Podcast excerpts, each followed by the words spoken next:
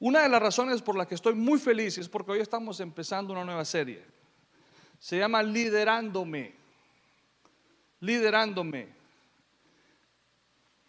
Esta serie la puso el Señor en nuestro corazón a principio, a finales del año pasado, unos días antes de fin de año.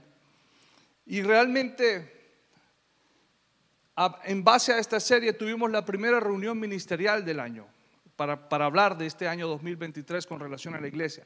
Así que si usted alguna vez se, le da curiosidad el saber qué es lo que se habla en esas reuniones ministeriales, hoy les voy a compartir todo lo que hablamos ese día, para que ustedes sepan qué hablamos, qué planeamos y cómo está el Señor direccionando su casa. Amén. Liderándome, lógicamente, ¿de qué vamos a hablar? De liderazgo. ¿Qué es liderazgo? Liderazgo es la capacidad que tiene una persona para influir en la vida de otros, en toma de decisiones y afectando por consiguiente su comportamiento. Eso es liderazgo. John Maxwell dijo, liderazgo es agregar valor a un ser humano. Si tú le agregas valor a un ser humano, tú estás liderando a esta persona. Liderazgo es influencia, en una sola palabra. Es la capacidad de poder influenciar en otros. Eso es liderazgo. En una empresa, ¿cómo una empresa ve lo que es liderazgo? Vamos a leerlo. El liderazgo para desarrollar una organización es la capacidad y habilidad para influir sobre toda la organización con el propósito de llevarla a alcanzar objetivos concretos y mejorar el desempeño. Esto se basa en una visión en conjunto y en un seguimiento de objetivos comunes. ¿En base a qué? Póngale atención a esto, por eso no quiero que se distraigan. ¿En base a qué? En base a la información y al conocimiento. Eso es liderazgo en una empresa. Liderazgo es mucho más complejo que ejercer control. Liderazgo va más allá de una posición dominante de la persona con de la persona más fuerte en un salón, por decirlo así. Liderazgo es influencia. Ahora, cuando Dios nos guió a hablar de este tema, fue muy claro en lo siguiente. Necesitamos lograr, primero que todo, antes de pensar a liderar en otros, necesitamos liderar nuestras vidas. Antes de pensar en liderar una empresa, antes de pensar en liderar a otros, antes de asumir un rol de liderazgo, necesitamos ser conscientes que debemos, primero que todo, liderar nuestras vidas. Por eso, el nombre de liderándome, liderándome. Ahora, quizás aquí hay personas que están pensando, yo no quiero liderar a otros. Eso no es lo mío. Lo mío es escribir. Lo mío es detrás de una computadora donde nadie me ve. No se dejen distraer. Lo mío es manejar solo un carro. Yo no estoy en el papel ni en el interés de liderar a otros. Y quizás tienes razón. De pronto no estás en una posición para liderar a otros. No estás en una posición en tu trabajo que te permita liderar a otros. Y quizás dentro de tu familia no tienes la influencia para liderar a tus familiares, hermanos, en fin. Pero si me permites, te diré que inevitablemente, esto es inevitable, si eres de influencia para otras personas. O sea que si estás liderando, aunque no quieras.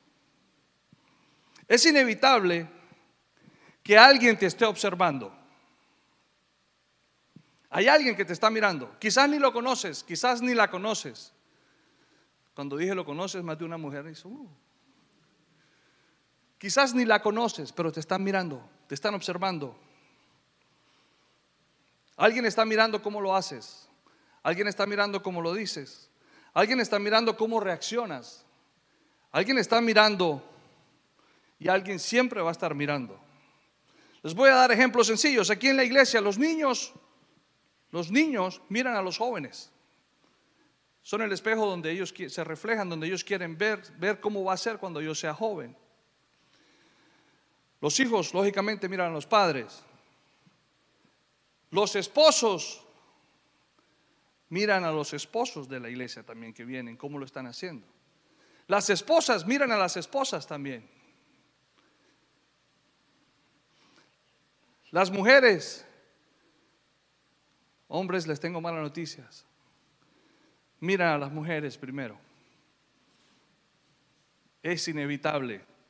Mujer que estás aquí, es inevitable que haya otra mujer sobre la cual estés causando influencia. Porque las mujeres te miran, está en la naturaleza de ellas.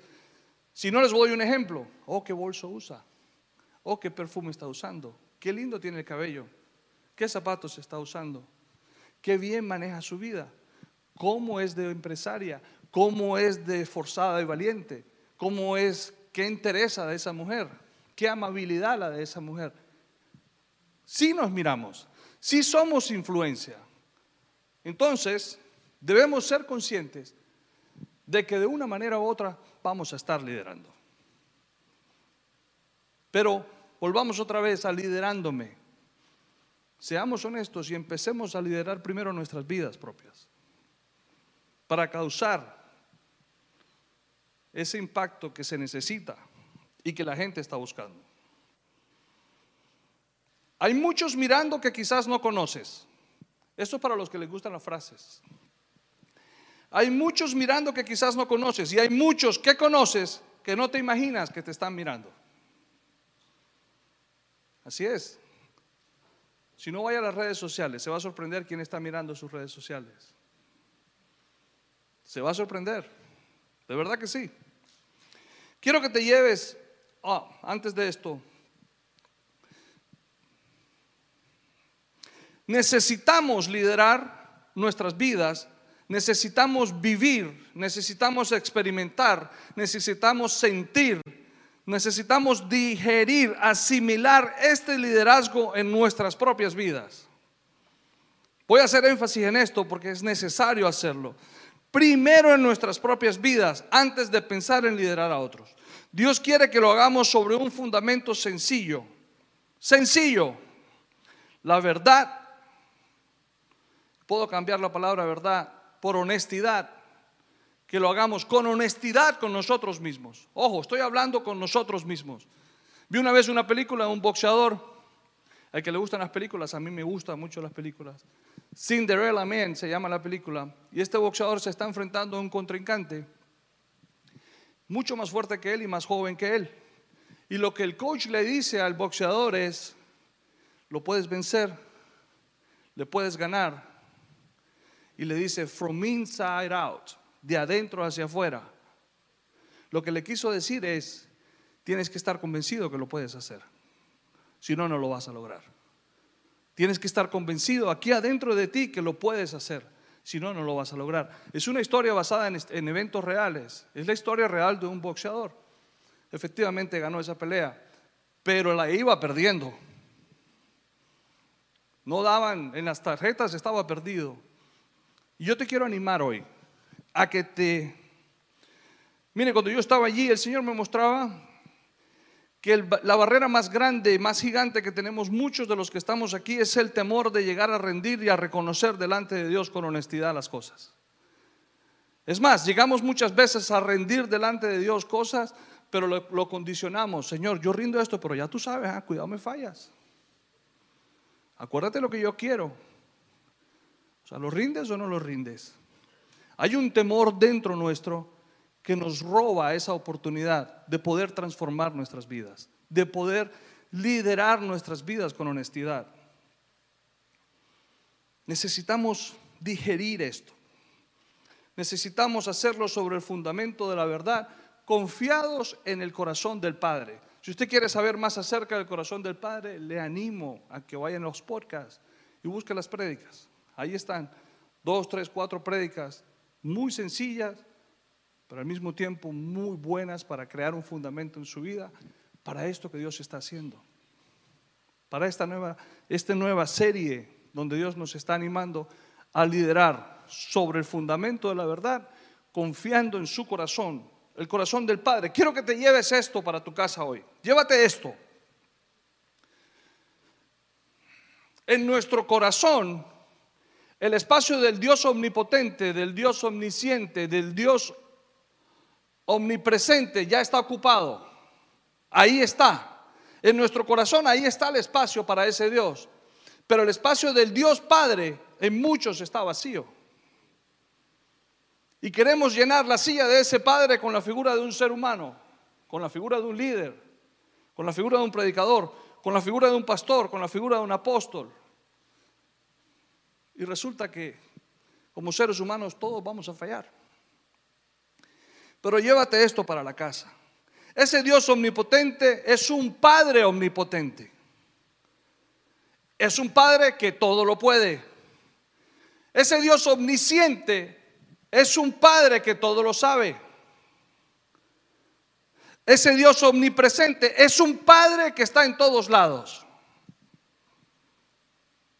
Ese espacio vacío de Padre en nuestro corazón es el mismo espacio que ocupa el Dios en nuestro corazón. Y Dios quiere que lo empecemos a ver primero como Padre que como Dios, para poder liderar nuestras vidas. Amén.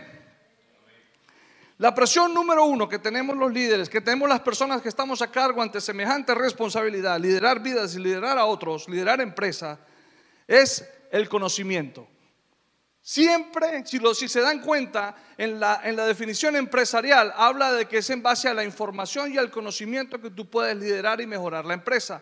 Entonces, creemos, cuando venimos a la iglesia y creemos cuando venimos a liderar vidas, que yo necesito saber el cómo, porque es lo que hemos aprendido en un salón de clases. Entonces estamos pensando, yo, y lo primero que decimos es, yo no sé, me están pidiendo algo que yo no sé. Ojo lo que les dije al principio. Esto lo hablamos en una reunión ministerial. Y lo primero que yo le dije a los pastores fue, yo no sé. El cómo, Dios me va a decir cómo. Tengo hasta esta fecha. Y me dijeron, ¿y qué pasa de estos meses en adelante? Yo les dije, podemos llenar la agenda si quieren. Pero sería yo llenándolo y no lo que Dios me dio. Esperemos en Dios. Estemos pacientes, pero estemos dispuestos. Vamos a liderar con anticipación, no porque sepamos el cómo, sino porque tenemos la actitud correcta de presentarnos y estar dispuestos y estar disponibles para escuchar la voz del Padre. Confiando en ese corazón de Padre, confiando en ese Padre que está en todos lados, confiando en ese Padre que todo lo puede confiando en ese Padre que todo lo sabe. ¿Estamos? ¿Cómo? Conocimiento. ¿Cómo? Muchas veces nos paramos en el cómo.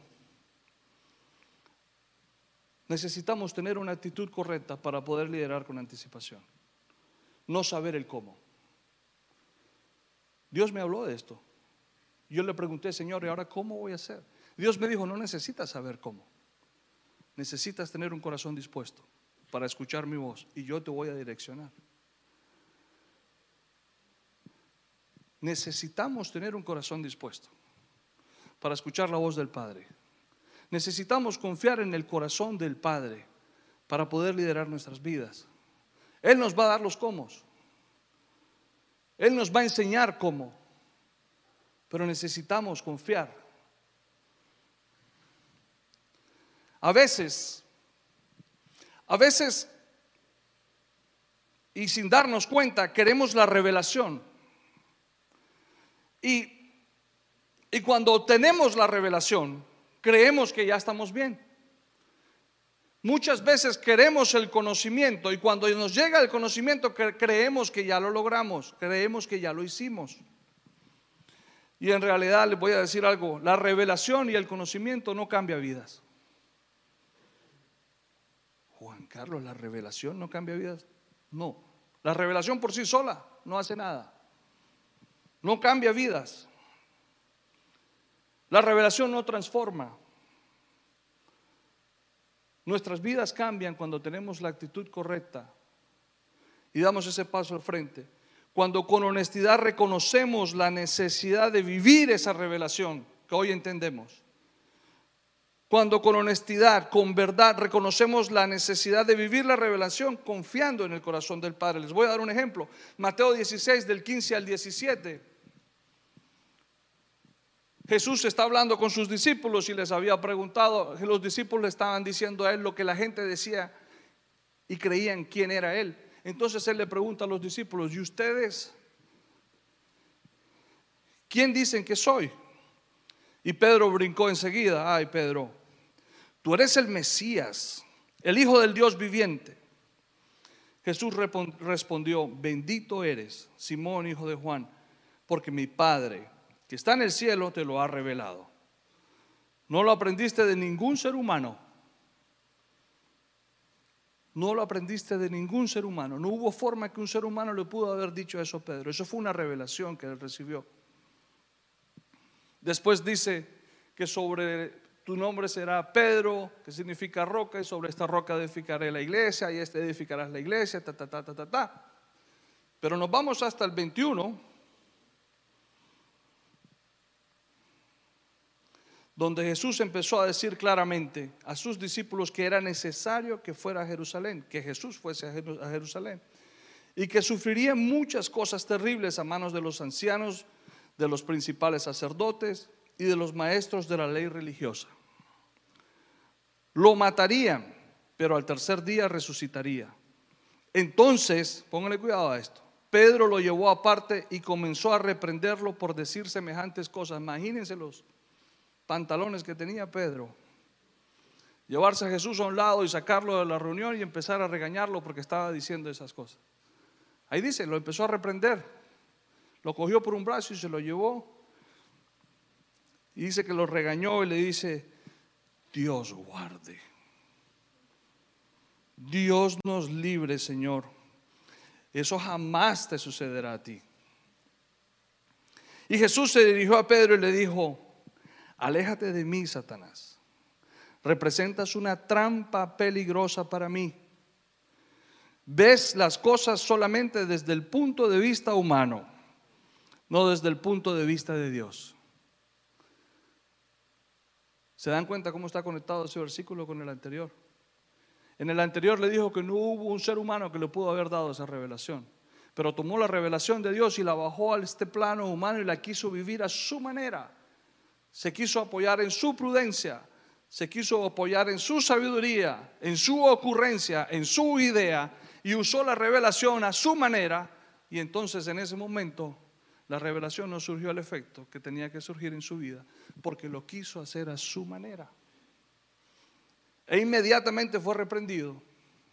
Creo que este hombre, y creo que a muy pocos les habrá pasado algo como esto, que en minutos está en el cielo y en segundos está en el infierno. Le dijo, aléjate de mí, Satanás. Representas una trampa peligrosa para mí. Claro, se estaba oponiendo a la voluntad del Padre cogió esa revelación y la quiso usar a su manera, en su prudencia, en su ocurrencia, en su mejor plan. O sea que la revelación no le fue suficiente a Pedro. Ve solamente las cosas desde un punto de vista humano, no desde el punto, desde el punto de vista de Dios.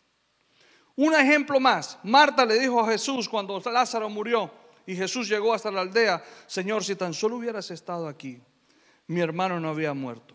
Pero a una hora yo sé que Dios te dará todo lo que pidas. Esto está en Juan 11 del 21 al 28. Y Jesús le dijo, tu hermano resucitará. Yo con eso me quedo. Si a mí se me muere mi hermano y Jesús llega a la puerta de mi casa y me dice, Juan Carlos, tu hermano resucitará, yo, yo, me, yo me agarro de eso. Pero el conocimiento de Marta y la familiaridad con Jesús, porque comían juntos, hablaban, se reían, se visitaban, le jugó una mala pasada y la revelación no le fue suficiente. Marta dice lo siguiente, es cierto que va a resucitar, dice, respondió Marta. Resucitará cuando resuciten todos en el día final. Wow. Sabía más que Jesús. Y Jesús le dijo, todavía Jesús le dice, yo soy la resurrección y la vida. El que cree en mí vivirá aún después de haber muerto. Todo el que vive en mí y cree en mí jamás morirá. ¿lo crees, Marta?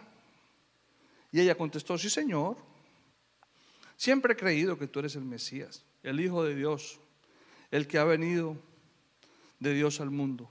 Luego Marta regresó a donde estaba María y los que se lamentaban, donde estaba María y los que se lamentaban con ella, y la llamó aparte y le dijo, el maestro está aquí, te quiere ver. ¿Ustedes se imaginan ese momento? Tiene toda la revelación que puede necesitar un ser humano para una situación tan grave como la que ella está viviendo, y la revelación que tenía en ella no fue suficiente para agarrar el milagro, sino que le da la espalda a Jesús, porque para ir a buscar a María le da la espalda a Jesús. Y le dice, sí Señor, en el gran día. No le fue suficiente la revelación a ella. Porque tomamos la revelación o usamos el conocimiento a nuestra manera y no rendimos verdaderamente nuestra voluntad. Para que sea Dios quien haga lo que necesita hacer en nosotros. Porque muchas veces buscamos lo que queremos y no verdaderamente lo que necesitamos. Porque muchas veces oramos por aquello que tanto deseamos, pero no dejamos que el Espíritu Santo de Dios interceda por nosotros de tal manera que con gemidos indecibles vaya delante del Padre y pida para nuestras vidas lo que verdaderamente necesitamos. Porque estamos orando con una lista al lado. Y queremos conocer al Padre, pero no le permitimos al Padre entrar verdaderamente meter su mano y trabajar en nuestras vidas.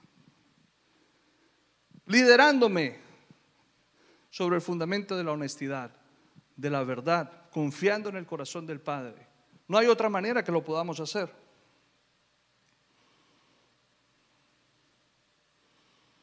Para poder escuchar del Padre hay que tener canales de comunicación claros. Y lo primero que pensamos cuando escuchamos esto es que tengo que modular la voz para que me escuchen bien.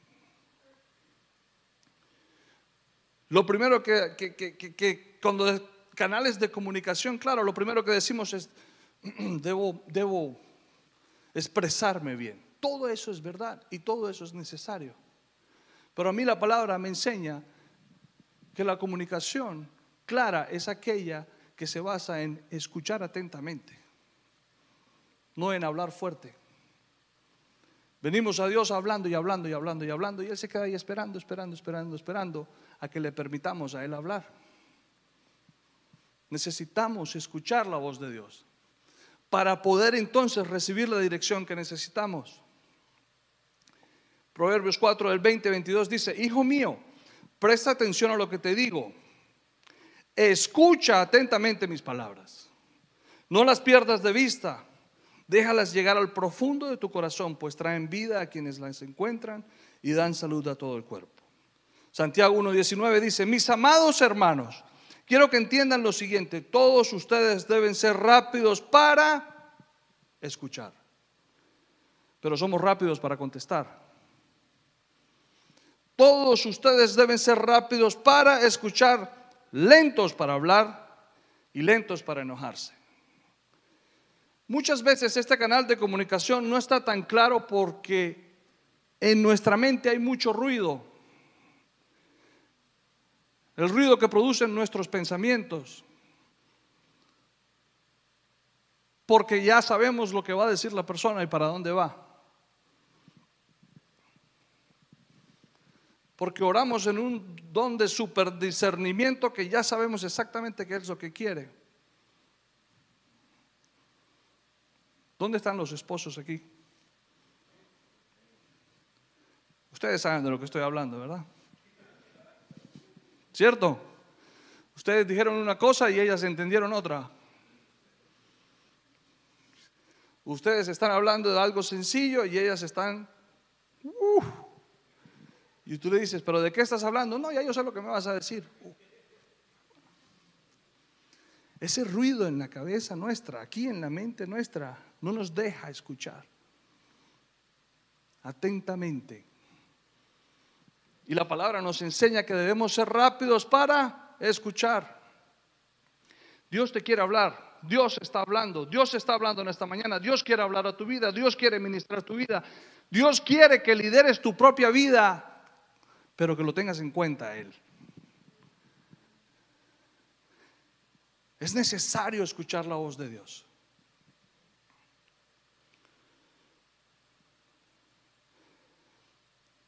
No podemos liderar, ojo a esto, pensando o creyendo que siempre vamos a tener la razón. No, no se puede. ¿Quiere que les diga algo? Algo que le dije a los pastores. Yo les dije a ellos, yo necesito, yo necesito de la paternidad de Dios sobre tu vida. Yo necesito de eso que Dios te está dando. Porque yo no siempre voy a tener razón. Yo no. Me vas a preguntar cosas que yo no sé. Pero más allá de eso, van a haber momentos donde yo también voy a necesitar. Te voy a decir algo, tú necesitas de la paternidad de Dios que, que Dios ha dado a mi vida. Yo quiero decirte, yo necesito de la paternidad que Dios te ha dado a ti. Yo no puedo esperar la paternidad de Dios a través de la figura de padre de un hombre. Ojo esto que le voy a decir, porque la paternidad de Dios es ministrada a través de los hijos. Jesús fue el que ministró paternidad. Aquí estamos rompiendo con cosas y moldes y religión impresionante en nuestras vidas. El que, el que ministró paternidad fue Jesús, el Hijo. Nosotros como hijos de Dios ministramos la paternidad de Dios. Entonces la paternidad de Dios sobre su vida, sobre su vida como hijo de Dios, yo la necesito. Yo la necesito. Y no me da pena decir que no lo que la necesito y no me da pena decir que no lo sé todo, porque a mí la palabra me enseña que el Señor se glorifica en mis debilidades. Lo hizo Pablo. Dice, ¿cuánto más ahora? Prefiero jactarme en mis debilidades para que el Señor sea exaltado y se glorifique en mi vida. Quiero decirte, estoy aquí para ayudarte, para acompañarte, para, que, para darte de la paternidad que Dios ha dado a mi vida, pero también estoy aquí para recibir la tuya. Esto es recíproco. Yo también necesito. ¿Cuánto tiempo me queda? No puede ser. Los que están en casa no lo van a creer. Me quedan dos minutos. Vamos a hacer esto rápido.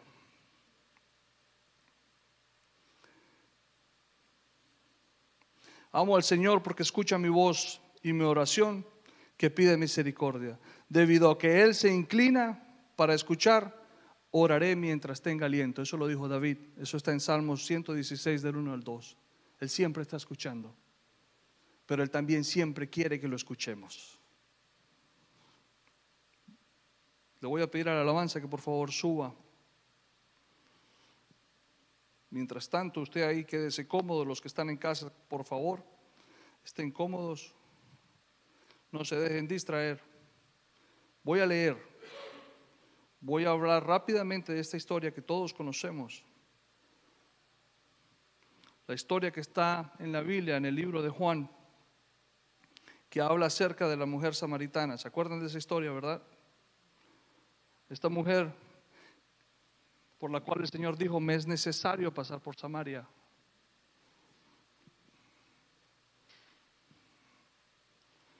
Dice la palabra, en el libro de Juan, permítame, esta Biblia no tiene Juan, no sé qué le pasó. Ya la encontramos. Dice que en el camino él tenía que pasar por Samaria, entonces llegó a una aldea samaritana llamada Sicar, cerca del campo de Jacob, que Jacob le dio a su hijo José. Allí estaba el pozo de Jacob y Jesús cansado se sentó a la orilla del pozo, acerca del mediodía, poco después llegó una mujer samaritana a sacar agua y Jesús le dijo, por favor, dame un poco de agua para beber. Él estaba solo en ese momento porque sus discípulos habían ido a la aldea a comprar algo de comer. La mujer se sorprendió, ya que los judíos rechazan todo trato con los samaritanos. Entonces Jesús le dijo, entonces le dijo a Jesús, usted es judío y yo una mujer samaritana. ¿Por qué me pide agua para beber? Como quien dice, ustedes no nos hablan. Nosotros no, ustedes no nos aceptan a nosotros. Nosotros no nos llevamos bien. ¿Por qué se atreve usted a pedirme agua? Y Jesús contestó, si tan solo supieras el regalo que Dios tiene para ti y con quién estás hablando. Tú me pedirías a mí y yo te daría agua viva. Pero Señor, usted no tiene ni una soga ni un balde, le dijo ella, otra vez. Si se dan cuenta, Él le da la revelación a ella. Él le dice, si tan solo supieras con quién estás hablando, tú me pedirías a mí agua viva. Él le está dando el conocimiento, lo, que, lo que esa mujer más necesitaba en ese momento, Él se lo está entregando. Él se le está revelando a ella. Y otra vez tomó esa información, tomó esa revelación y la, y la metió dentro de su estructura de vida.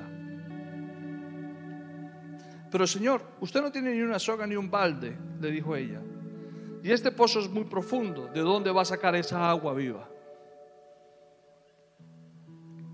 Además, se puso, se puso difícil la señora.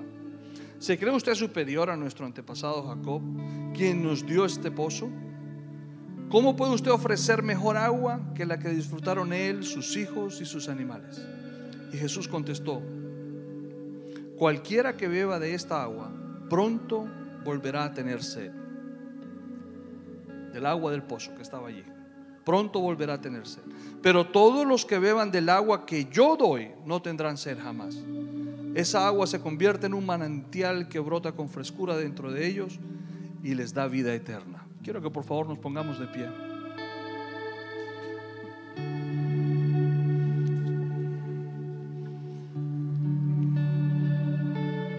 Esa agua se convierte en un manantial que brota con frescura dentro de ellos y les da vida eterna. Entonces ella entendió. Se dio cuenta que estaba pasando algo extraordinario. Y dice, por favor, Señor, deme de esa agua. Así nunca más volveré a tener sed. Y no tendré que venir aquí a sacar agua. Y Jesús le dijo, ve trae a tu esposo. Y ella dice, no tengo esposo. Y Jesús contestó, esta parte es importantísima. Esto que Jesús contestó es clave en este mensaje. Jesús le dijo, es cierto, no tienes esposo, porque has tenido cinco esposos y ni siquiera estás casada con el hombre con el que ahora vives. Ciertamente dijiste que la verdad.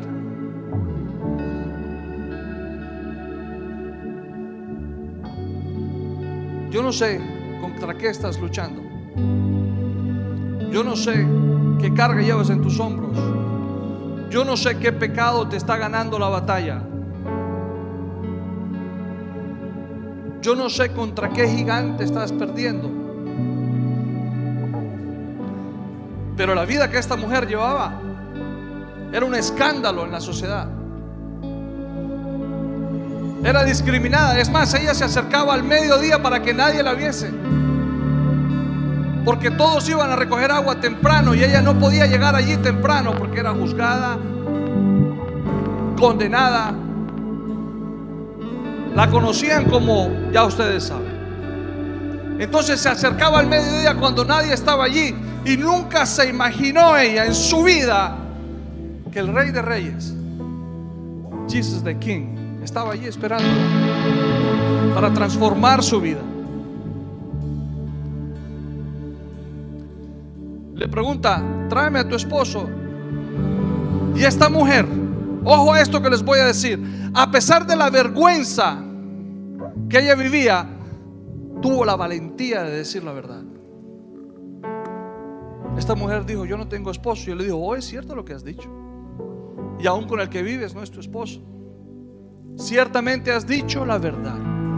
Y la palabra a mí me enseña que la verdad me hace libre. Y si la verdad me hace libre, a mí la palabra me enseña que la verdad me transforma. Así que en esta mañana, en este momento, si tú quieres beber de esa agua viva, trae, ven delante de Dios con la verdad. Cualquiera que sea la verdad, cualquiera que sea con la cual estés luchando, la verdad que quizás nadie conoce, ven delante del Rey de Reyes, delante del Señor de Señores, delante de aquel que porta el agua viva.